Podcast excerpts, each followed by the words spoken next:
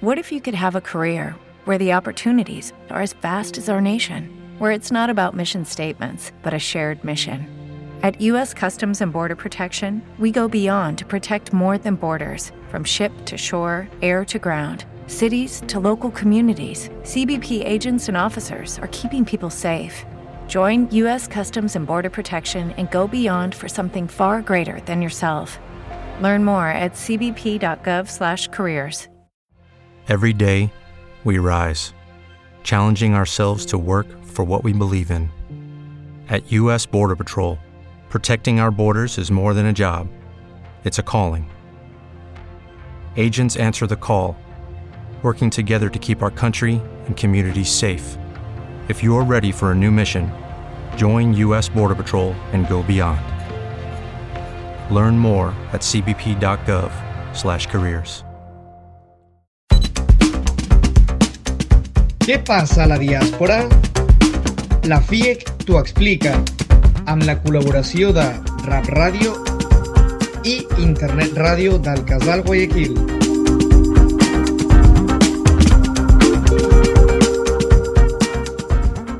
Bon dia, bona tarda, bon vespre, bona nit, de part de la Federació Internacional d'Entitats Catalanes i de tot l'equip d'aquest magazín, la FIEC t'ho explica. És tot un plaer trobar-nos aquí amb vosaltres a través de la Ràdio Amèrica Barcelona, la Ràdio Coneix la Catalunya Exterior. Començarem amb la secció de notícies. I la primera notícia que hem seleccionat és que a Catalunya va passar a presidir la presidència de l'Euroregió Pirineus Mediterrània aquest divendres 10 de febrer amb, quan Pere Aragonès doncs, la va rebre de les mans de la presidenta de la regió d'Occitània, Caroline Derga. Va dir que l'objectiu seria treballar per lluitar conjuntament contra el canvi climàtic i garantir els drets lingüístics dels catalans i occitans. Recordem que l'Euroregió està formada per Occitània, les Illes Balears i Catalunya i s'ha convertit, eh, com deia Pere Aragonès, en l'ecosistema d'innovació més important del sud d'Europa. Ara, els tres territoris involucrats en aquesta euroregió volen convertir-la en una macroregió per incrementar la influència de la zona en les noves polítiques europees. Volem destacar també l'accent que es vol posar en la diversitat lingüística i cultural en aquests darrers, en aquests propers dos anys, i en aquest sentit la presidenta de la regió d'Occitània, Caroline Delga, va destacar que mm, hi ha un full de ruta per tirar endavant l'occità i el català en els tres territoris implicats. Una mostra d'això és el concurs d'influències en llengua catalana i occitana organitzada des de l'Euroregió. El 2024 l'Euroregió complirà 20 anys i la presidència de l'Euroregió Pirineus Mediterrània té una duració de dos anys. La segona notícia que volem destacar avui és que la Generalitat destinarà 2 milions d'euros per l'ajuda humanitària pel terratrèmol a Turquia, Síria, diguem el Kurdistan, especialment. Com sabeu, eh, hi ha hagut ja desenes de milers de, de víctimes, es parla d'unes 50.000 víctimes i a més de 80.000 també ferits i davant d'aquesta tragèdia doncs, eh, la Generalitat va anunciar que dedicaria 2 milions d'euros a l'ajuda humanitària que repartiran en aportacions a organitzacions internacionals una línia de subvencions per a ONGs i una última via destinada a la mobilització del personal de la Generalitat al territori afectat. Els diners es repartiran eh, a través del Comitè de Català d'Ajut Humanitari d'Emergència liderat pel Departament d'Acció Exterior i on, i on hi ha bona part dels departaments que té el govern. Es farà a partir del contacte que tenen amb consulats i ambaixades en, a, en aquests territoris. Des de Catalunya hi ha algunes campanyes d'ajuda a les persones damnificades pel terratrèmol al Kurdistan i en concret volem destacar la campanya del CIEMEN, que està enfocada en el Kurdistan, el CIEMEN, el Centre Internacional Esquerrer de, de Minories Ètniques i Nacionals, que mm, la fa a partir del seu contacte amb dues entitats sòcies a la capital del Kurdistan del Nord, Diyarbakir, una de les ciutats més afectades pel sisme. Aquestes entitats són OSAT i Göçder, amb qui han executat alguns projectes recentment. Aquestes dues entitats fan saber que les necessitats d'atenció i reconstrucció seran múltiples en una zona castigada per la marginació a què la sotmeten les autoritats turques. Per aquest motiu s'han avançat doncs, aquestes necessitats segures i s'ha obert un compte corrent per començar a recollir diners per poder fer-hi front i ajudar-hi. Aquest eh, número de compte el trobareu doncs, a la web del Siemen, al siemen.cat. Com a última notícia ens volíem fer ressò de que s'ha començat a la onzena temporada alta a Iberoamèrica, eh, una nova edició que d'aquest festival eh, que segueix apostant per presentar l'escena catalana a l'altra banda, diguem, a la, a, la, a, a la banda americana de l'Atlàntic actuant com una plataforma d'intercanvi creatiu i de projecció dels artistes i companyies de casa nostra. El festival eh, presentarà una programació que s'allargarà que anirà des del 7 de febrer, o va des del 7 de febrer al 5 de març, i serà doncs a, a Lima, Buenos Aires, Montevideo, amb la presentació de Ma solitud de Guillem Albà, Loco Amari Amoris de Pablo Macho i Pau Roca i 360 grams de Vilaló i dins de la programació també hi haurà una quarta proposta, Cuerpos Celestes, de Code de Torrefiel i Cabo San Roque. Dit això, passem a l'agenda dels casals a càrrec de, Mercè, de la Mercè Porqueres. Què tenim per aquesta setmana, Mercè? Activitats culturals. Hola, companys, com va tot? Gràcies, Cristian. Bon dia, americà. Bon vespre, Catalunya. Bon temps a tot arreu. Amics i amigues, què us sembla? Ens donem un tom pels casals i centres catalans a l'exterior? Com sempre, tenen molt bones propostes culturals per verir-nos. Si us ve de gust, avui iniciem el passeig per Àsia. El casal català de Tòquio ofereix casal patufet, un diumenge al mes. La mainada es trobarà aquest dissabte 19 de febrer. I ara creuem cap a Oceania. El Casal Català de Sydney ha engegat les virtuals classes de català per a nens i nenes i també per a joves. I si arribem a Europa, el Casal Català de Brussel·les, divendres 16 a les 6 de la tarda, el grup de lectura es reunirà de forma presencial per a comentar plegats el llibre La possibilitat de dir-ne casa, de Marta Oriols. I a més a més, prepara calçotada del casal. Les inscripcions estan obertes per a socis fins al 20 de febrer. I el casal català de Tolosa ens comunica que demà, dijous 16 a dos quarts del vespre, hi ha concert d'Erni Frag i Marina Rossell. Retrobar dos a l'Institut Cervantes de Toulouse. El Casal Català de Tenerife ADG al febrer i març dona cursos virtuals en tots els nivells d'ortografia i Catalans de Dinamarca vol organitzar classes de català per adults en Copenhague i ha preparat un qüestionari en anglès per a la gent a qui li agradaria fer classes que el respongui i així poder començar a coordinar amb la professora. I si voleu fer castell, ja us he comentat, però cerqueu la colla que us sigui més a prop. Podeu fer-ho a Escòcia, en Edimburg, a Madrid, a París, Casteller del Ribera, a Baó, a Copenhague, a Montreal, Canadà, també a Sydney i Melbourne, en Austràlia, Castellers de Lo Prado, de Santiago de Xile, i el Casal Català de Tolosa, i el Casal Català de Lausana, Suïssa, posen fil a l'agulla conformant les seves colles castelleres. I visitant les xarxes, de segur trobareu alguna més. I quan creuem l'oceà i anem cap a Amèrica, el Casal Català de Quebec, Montreal, Canadà, proposa un punt de trobada quincenal per jugar jocs de taula en llengua catalana i diuen membres del Casal Català de Quebec i estudiants de la Universitat de Montreal. A què voleu jugar? Es troben avui, 15 de febrer, a les 8 del vespre canadenc. Calçal Català de Costa Rica fa excursió Carnaval en Acerrí.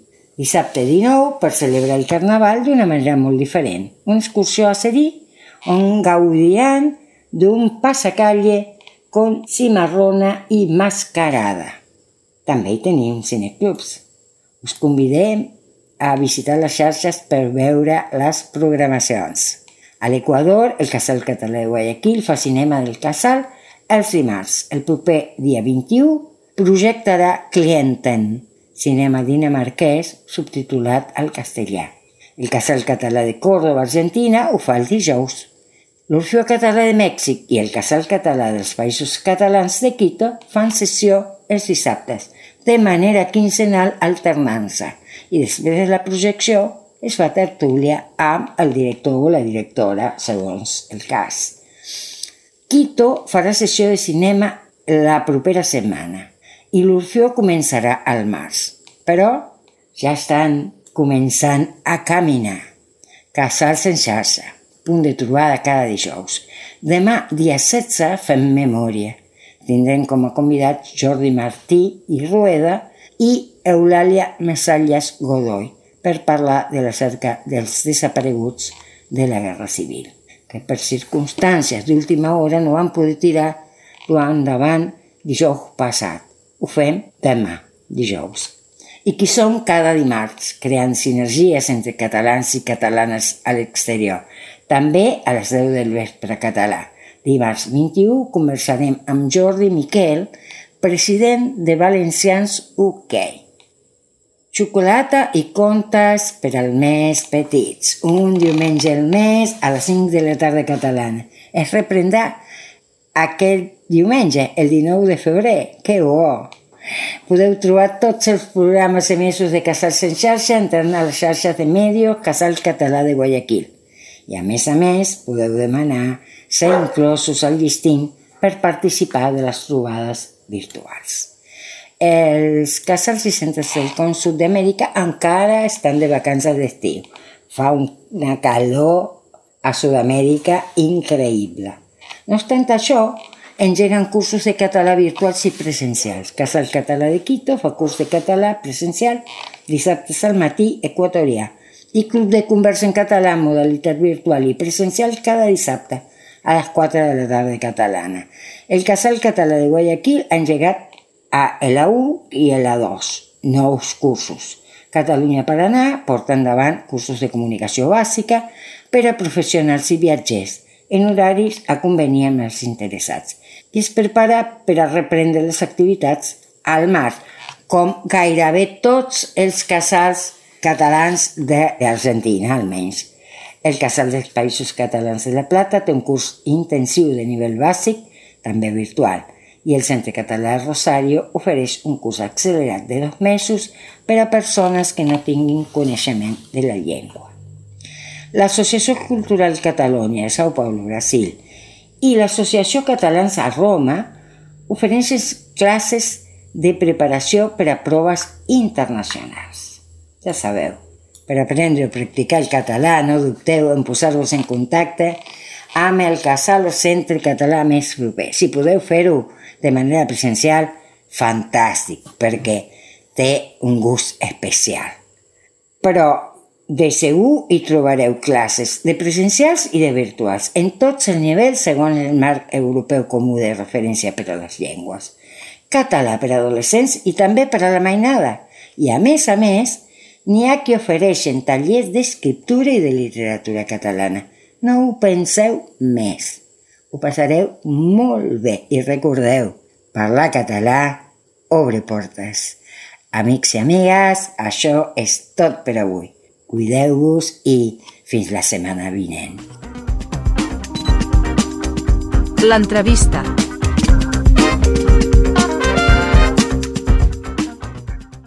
Doncs, hola, Roger, Mercè, eh, estem aquí avui. Avui hem fet un salt. Avui hem passat de d'Europa que vàrem tenir l'últim programa a Itàlia i ens anem als Estats Units. En aquest cas ens estem a Nova York eh, amb la Mireia Rodman, que ha estat la, la presidenta de l'Institut Català of America o Catalan Institute of America, eh, perquè ens expliqui una miqueta quina és la, la realitat dels catalans que viuen a Nova York, una ciutat cosmopolita com, com Nova York. Eh, què tal, Mireia, com estàs? Què tal? Bé, gràcies. Molt bé. Hola, Jordi. Quin temps us fa? a Nova York? Avui ens fa un temps, a veure, uh, equivalent a Celsius deu ser al voltant de 5 graus um, i sembla primavera perquè hem tingut molt de fred durant els últims dos dies, hem estat allò a menys 17 graus sí, sí, per això. aquest cap de setmana. I avui sembla que hagi arribat la primavera de cop, però no, encara fa fred, encara fa fred. Uh -huh. Molt bé, molt bé. Pitjor que aquí a Luxemburg. Aquí a Luxemburg la, les gelades aquestes que feien quan jo vaig arribar, això ja s'ha acabat, ja han passat a la història. Ja. Ah, escolta'm, mm.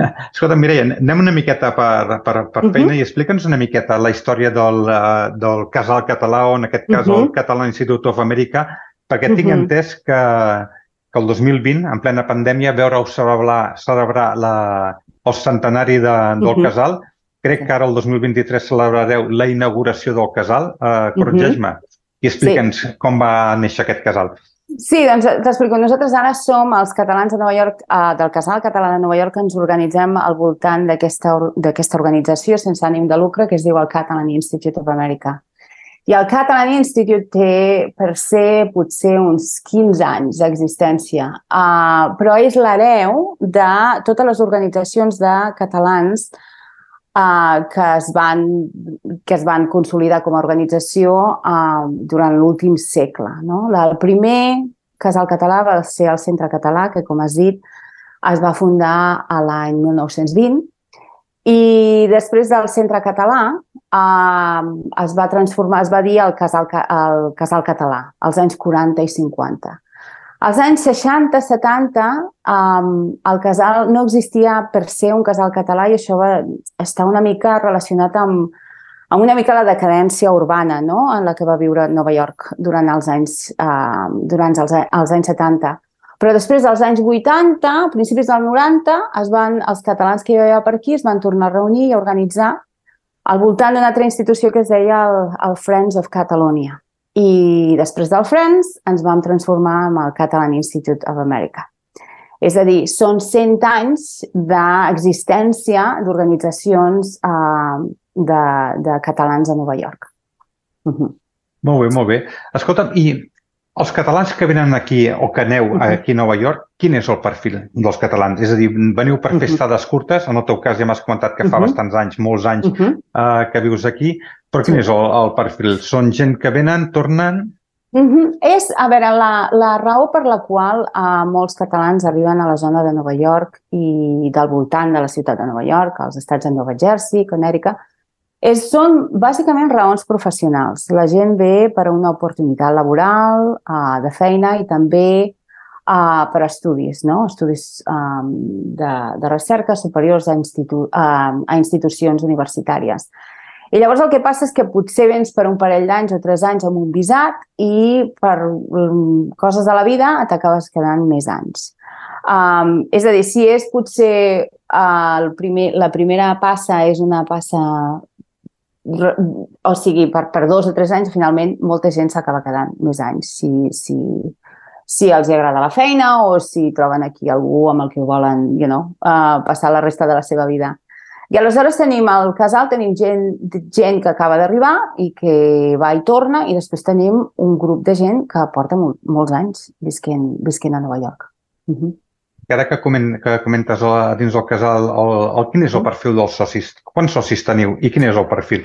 És a dir, sí. uh, parelles mixtes, catalanòfils, gent que s'interessa per la cultura catalana, etc etc. Sí. Doncs una mica tot el que has dit. Tenim al voltant de...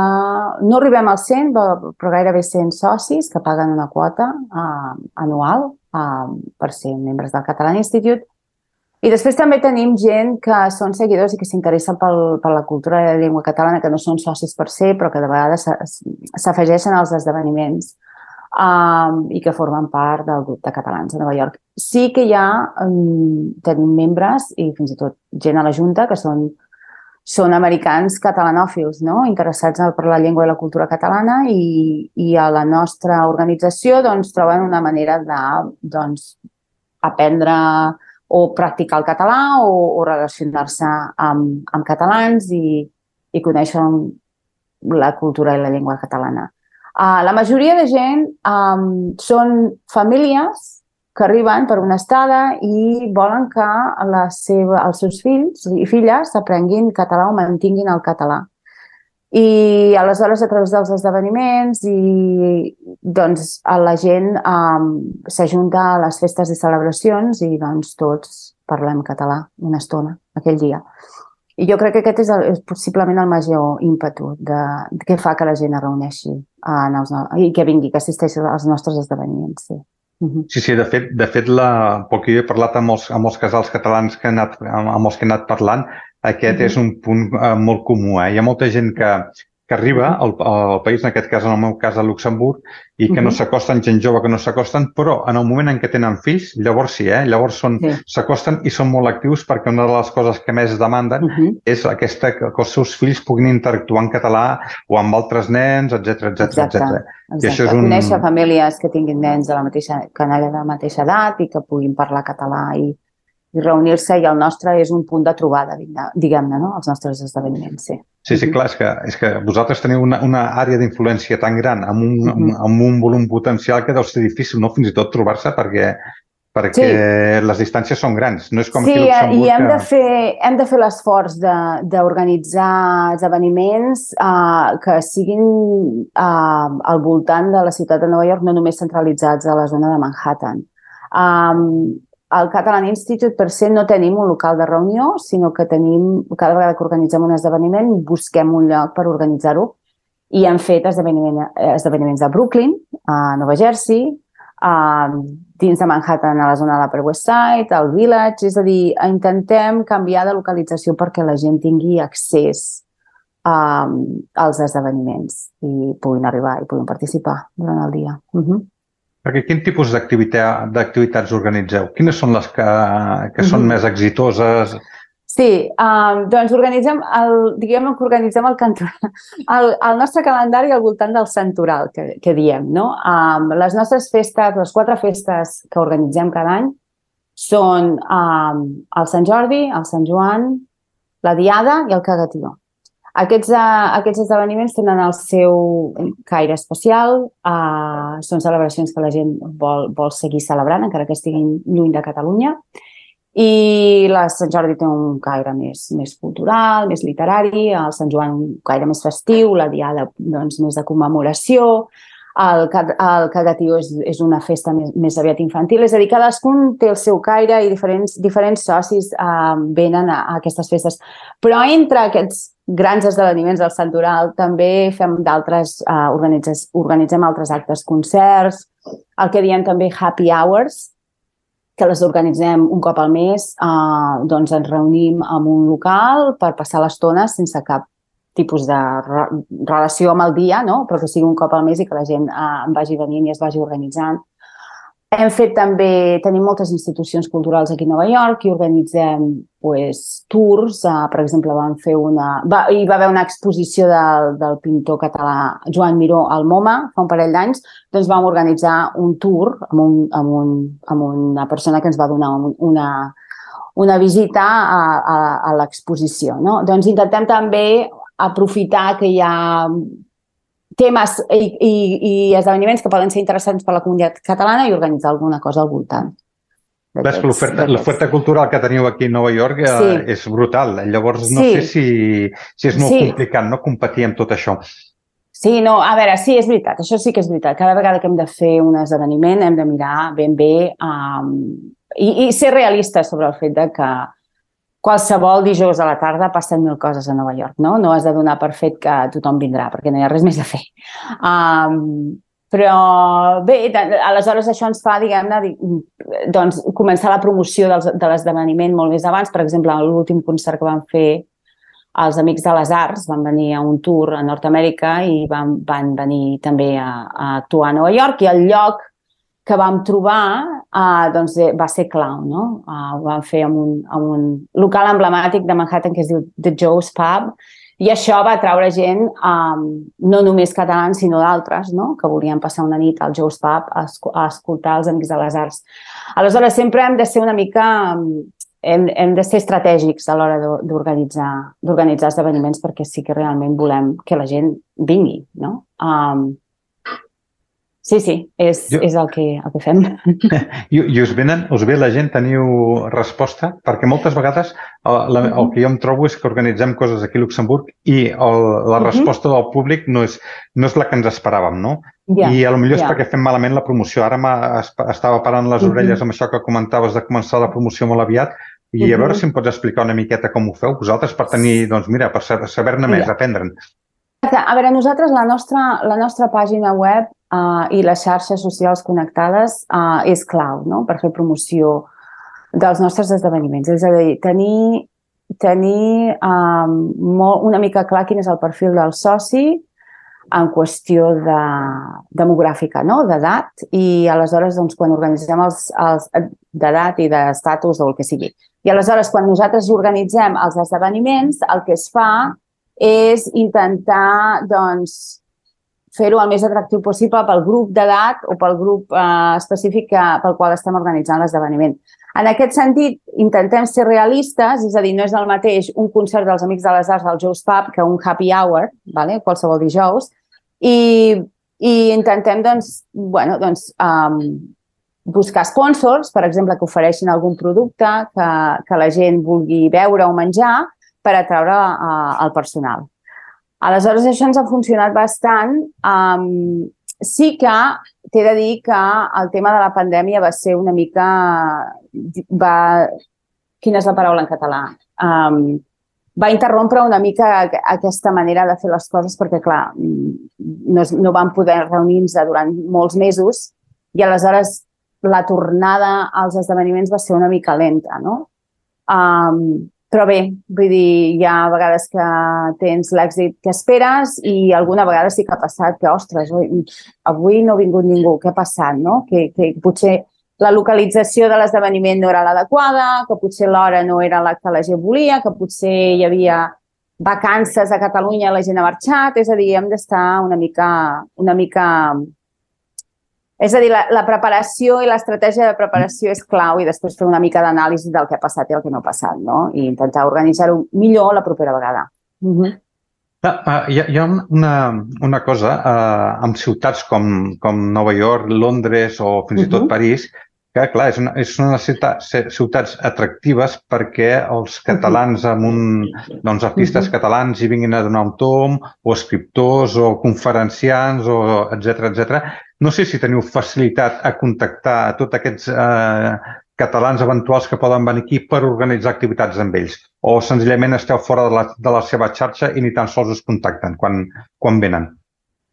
Sí, tenim de tot. Tenim gent que ens contacta des de Catalunya perquè han de venir i potser no els coneixien d'entrada però estaran per Nova York i voldrien fer alguna cosa. I després el que també fem servir, fem servir, Tenim altres institucions uh, de la, del govern de la Generalitat aquí a Catalunya. Hi ha, a Nova York hi ha l'Institut Ramon Llull, per exemple, i aleshores de vegades alguna cosa que, es, que alguna cosa que s'organitza, per exemple, fa poc, um, la Carla Simón, directora del Carràs, va venir a presentar al Lincoln Center, la seva pel·lícula, no? I doncs no ens va contactar directament a nosaltres, però a través de l'Institut Ramon Llull eh, vam saber que venien i l'Institut Ramon Llull té els lectorats a les universitats i a la Universitat de Colòmbia la Carla va fer una xerrada. Doncs aleshores vam connectar el nostre públic amb aquesta xerrada. És a dir, de vegades ens ve una mica um, de rebote, no? Uh, però creiem que si interessa al públic, doncs aleshores ens hi afegim. I, I sí, de vegades ens contacta gent i podem organitzar alguna cosa perquè és adequat. De vegades no tenim els medis, ni els recursos, ni els temps, perquè vull dir, la, la nostra junta és una junta que treballa de forma voluntària, com ja saps. Com tots, um, com tots. Però, però sí que ja, és veritat, no? Vull dir, intentes fer el possible no? per acomodar la gent que, que realment uh, vol, vol organitzar alguna cosa a, a Nova York i sí que és veritat que passa molta gent per aquí i, i alguns ens contacten i d'altres no. No, perquè això és una, és una cosa que, que les grans capitals, o, bueno, uh -huh. Nova York no és una capital, però les grans ciutats les, uh -huh. teniu una certa uh, facilitat, no? els, cas, els casals que esteu ubicats aquí, per tenir aquest, uh, aquest accés a, a personalitats que uh -huh. les petites ciutats de províncies com són Clar. Luxemburg, que, no, que en tot el país som 650.000 habitants, doncs uh, imagina't sí. una illa de, de Manhattan, vull dir que... Yes. Sí, no, sí, evidentment, eh, és, un, és una realitat diferent, um, però com t'he dit, de vegades no, no, no tenim l'oportunitat o de vegades no ens coneixen. Per això vull dir, parlar amb vosaltres avui també ens anirà bé, no?, per si algú ens sent, sabran que estem a Nova York i que organitzem coses. Clar que sí, clar que sí. No, no, això, això heu, heu d'estirar les orelles al, al delegat, que encara tot i que no el tingueu aquí a Nova York, doncs ja, que no. a veure si, si, si ens escolta.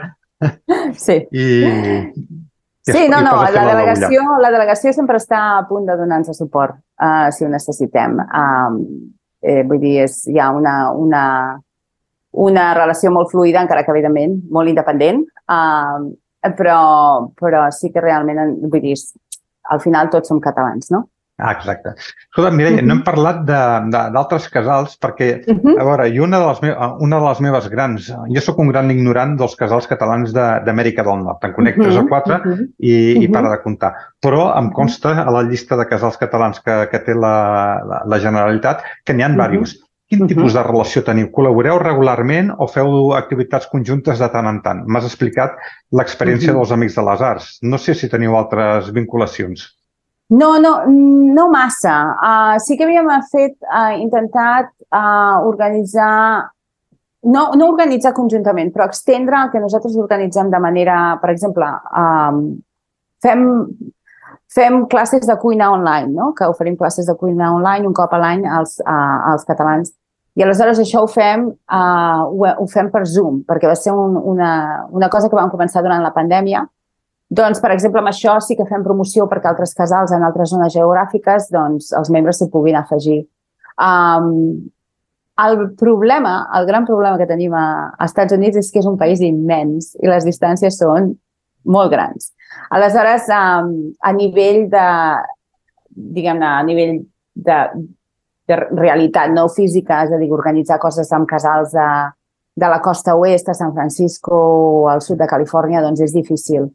Um, però, per exemple, amb el casal de, de Washington sí que ens coordinem, ens vam coordinar per la, per la, um, la gira dels Amics de les Arts i ara també farem un altre, un altre concert el proper 11 de setembre en el que ells també um, formaran part de la, de la gira d'aquest concert. És a dir, hi ha casals que, que és més difícil perquè estan més lluny, però la part, la, la Zoom, per exemple, ofereix, ofereix l'oportunitat de poder connectar-se a la distància per fer alguna cosa.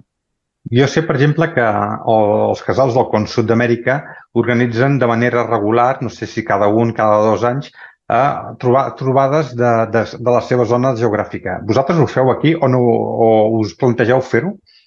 Ah, s'ha fet alguna trobada a Washington, organitzada, de fet, uh, per, la, per, la, per les oficines de la delegació del govern de la Generalitat, en el que representants de tots els casals uh, van assistir a, reunió, a una, un parell de reunions de coordinació um, a Washington, però no tant per organitzar esdeveniments, sinó una mica per coordinar l'acció exterior dels casals i vam trobar... I, i va ser Washington al, al centre de la trobada. Uh -huh. I sí, això ho seguirem fent perquè realment va anar molt bé, poder parlar amb altres i compartir idees sobre temes de comunicació, d'organització interna. Um, I em sembla que l'última es va fer una, fa un any, potser se'n tornarà a fer un altre aquest any. Uh -huh. Sí, sí, això la veritat és que és, que és molt interessant poder, poder compartir experiències amb, amb, amb els altres casals uh, per, perquè, perquè doncs això, no? moltes vegades tu penses que fas una cosa molt bé i resulta que n'hi ha un que ho fa molt més bé i dius, ostres, amb això no, no m'hi havia, no havia pensat.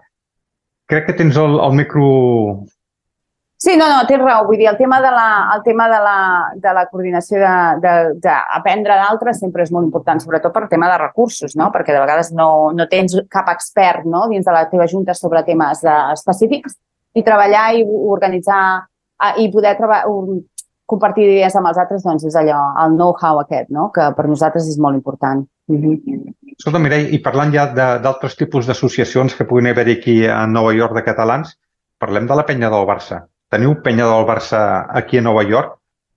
Sí, sí, hi ha una penya del Barça, sí, i tant. hi ha una penya del molt Barça. Molt important, eh? Ara que anem Molt bé. important. Em sembla que estan, sí, a tot arreu i organitzen els, la seu, uh, quan hi ha partits del Barça, doncs fan una crida i, i doncs, els membres del Catalan Institute també hi van. El que també tenim a Nova York és les oficines del Futbol Club Barcelona. Aleshores, això també és un altre, és un altre lloc on ens hem reunit eh, membres de la penya del Barça, membres del Catalan Institute per veure partits no? de futbol uh, i fer un pica-pica amb algun dels, dels productes dels, dels nostres sponsors, no? Durant un matí de diumenge, una tarda, un vespre de dissabte. Uh -huh. Sí, perquè no, no sé si aquí a, a Nova York hi ha escola de, del Barça, perquè jo sé que a Miami en tenen, eh, altres, altres ciutats en tenen, però aquí a Nova York no sé si en tenen. En tenen? Sí, Barça Academy té, Ah, té exacte. equips de futbol, sí, té equips de futbol juvenils, em sembla que estan més a la zona de Queens i de Long Island, uh, bé, perquè Manhattan és un lloc molt apretadillo, vaja, per portar, posar camps de futbol. Uh, llavors, uh, els nens, famílies i escoles d'aquestes zones on hi ha més espai, uh, sí, que, sí que hi ha Barça Academy i fan competicions amb les lligues locals d'aquí, de, les, de la ciutat de Nova York. Uh -huh. Doncs molt bé, molt bé. Jo, mira, ja només et voldria comentar ja una última pregunta i llavors si tu vols afegir-hi alguna explicació o vols parlar d'algun altre tema, és sobre les classes de català, perquè això sí que és una cosa que els casals eh, som una referència per l'ensenyament del català i en aquesta època actual que, vi, que viu el català doncs és molt important, no? Poder oferir l'ensenyament del català. Vosaltres m'imagino que també que també n'organitzeu. Com us funciona el tema o com ho feu? Sí, doncs ten, tenim una mestra, actualment hi ha una mestra de català uh, que ofereix classes de català uh, per grups uh, o classes individuals um, en, en persona o per línia, per Zoom. Um, I aquestes classes són per adults. Abans de la pandèmia havíem tingut classes de català per, uh, per nens per, i nenes, uh, pels més petits.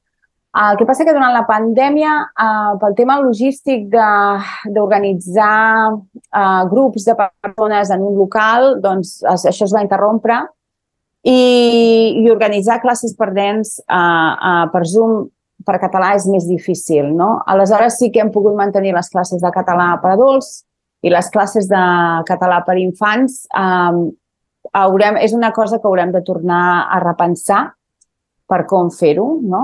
Uh, si, si realment hi ha gent que s'interessa i, i, vol, i, i, vol, i si oferim uh, classes de català per nens.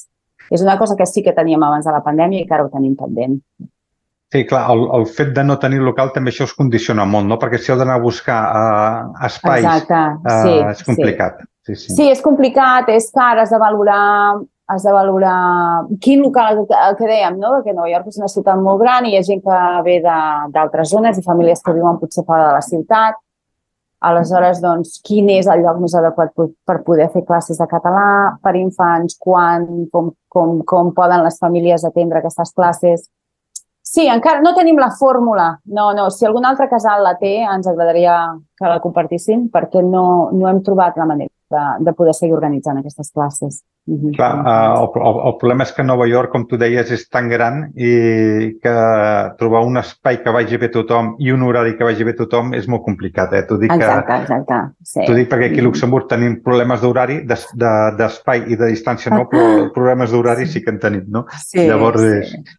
Doncs Sí. escolta, Mireia, ha estat un plaer. No sé si ens vols explicar alguna cosa que se m'hagi que se hagi quedat al Ah. tinter o que, que tu creguis que val la pena que, que els Sí, clients ben- ho sàpiguen. Uh, no, allò que dèiem que fa 100 anys de casal català a Nova York i que el 2020 uh, teníem preparada una gala del centenari al maig del 2020 Ostres, ja ho teníem tot preparat al local, teníem una, una subhasta, teníem, unes, bueno, teníem tot. I, clar, evidentment la pandèmia va interrompre uh, la, la possibilitat de fer, de fer aquesta trobada. Però, com et deia, la, la inauguració del, del... El ball inaugural del Centre Català va ser el 2023. Si busqueu el vídeo de la història del Catalan Institute, uh, és, un, és un vídeo molt curtet, de 3 minuts, que realitzat per una directora catalana, i allà es veu una mica l'evolució del casal català durant aquests 100 anys a Nova York, a la pàgina del Catalan Institute, catalaninstituteofamerica.org, um, i ara el 2023, el concert que farem el set- l'11 de setembre, serà un concert també de d'homenatge a aquests 100 anys al casal, um, un compositor català que va ser membre del casal català als anys 40, 50 i 60, uh, uh, una coral catalana, Cine Nomini, uh, vindrà a Nova York a interpretar les seves obres i aquest, aquest serà una mica la nostra, el nostre, la celebració en persona del nostre centenari. Home, doncs té molt bona pinta i segur que, que ho gaudireu i que, doncs, uh -huh. ja et dic, té molt bona pinta i una llàstima que no haguéssiu pogut fer uh, el, el 2020. De fet, ens ha, La gala, ens ha passat sí. a tots, eh, coses d'aquestes. Ens ha passat a tots, sí. sí, sí. No, estem, estem pensant de potser al voltant del concert poder fer algun tipus de celebració, algun, alguna... Uh, farem la, aquest concert serà al, al National Opera Center, aquí a Manhattan, i potser doncs, podrem reunir-nos després i fer una mica de festa que ja toca. Uh -huh. I escolta'm, ara una, una indiscreció. Clar, celebrar l'11 de setembre aquí a Nova York yes. deu ser molt dur, eh? Molt complicat, Molt bona no? pregunta. No ho celebrem mai l'11 de setembre el dia per ser. Sempre busquem el cap de setmana abans o després, o si cau en dissabte o diumenge ho fem el dia alternatiu, perquè si realment l'11 de setembre aquí a Nova York és un, és una, és, no és una festa, és, es commemora un, un acte de terrorisme terrible que encara està a, a present a la ciutat. Um, però, però sí que uh, bé, l'11 de setembre per, pels catalans és una festa molt significativa, significativa i aleshores doncs, intentem organitzar alguna cosa al voltant de la data. Uh -huh. Sí, que, que també som una miqueta masoquistes, eh? perquè celebrem un atac Sí. terrorista que ens van fer a Exacte, 300 anys. no, i a més és que quan ho has d'explicar, quan tenim públic americà que i això l'11 de setembre, well, let me tell you, no? Sí, sí. Vull dir que és, és, és, sí, una mica, sí. Però bueno, és el que, el que tenim, no? És el que tenim. És Doncs escolta'm, Mireia, moltes Mhm. gràcies d'haver-te escoltat, moltes gràcies pel teu Sí. temps i uh, esperem, esperem Mhm. retrobar-nos alguna vegada a Catalunya o amb alguna visita que facis a Luxemburg o jo a Nova York. Espero ser jo que vagi a Nova York. Sí, tant. Jo també vull anar a Luxemburg, no hi he estat mai. Hauria d'anar-hi. Uh -huh. Doncs, uh, escolta'm, moltes gràcies i ho Mhm. deixem aquí i recordar, a, recordar a, tots, el- a tots els oients que la propera setmana tindreu amb el Roger amb alguna de les seves entrevistes. Moltes gràcies i fins a la propera. Això va ser Què passa a la diàspora? Un programa de la FIEC amb la col·laboració de Rap Ràdio i Internet Ràdio del Casal Guayaquil.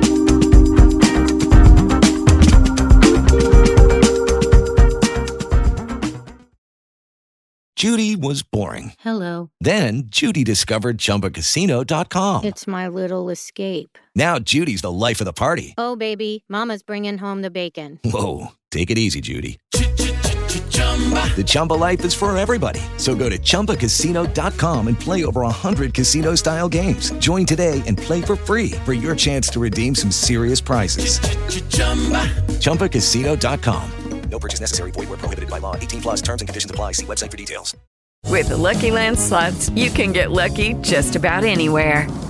This is your captain speaking. Uh, we've got clear runway and the weather's fine, but we're just going to circle up here a while and uh, get lucky. No, no, nothing like that. It's just these cash prizes add up quick. So I suggest you sit back, keep your tray table upright, and start getting lucky.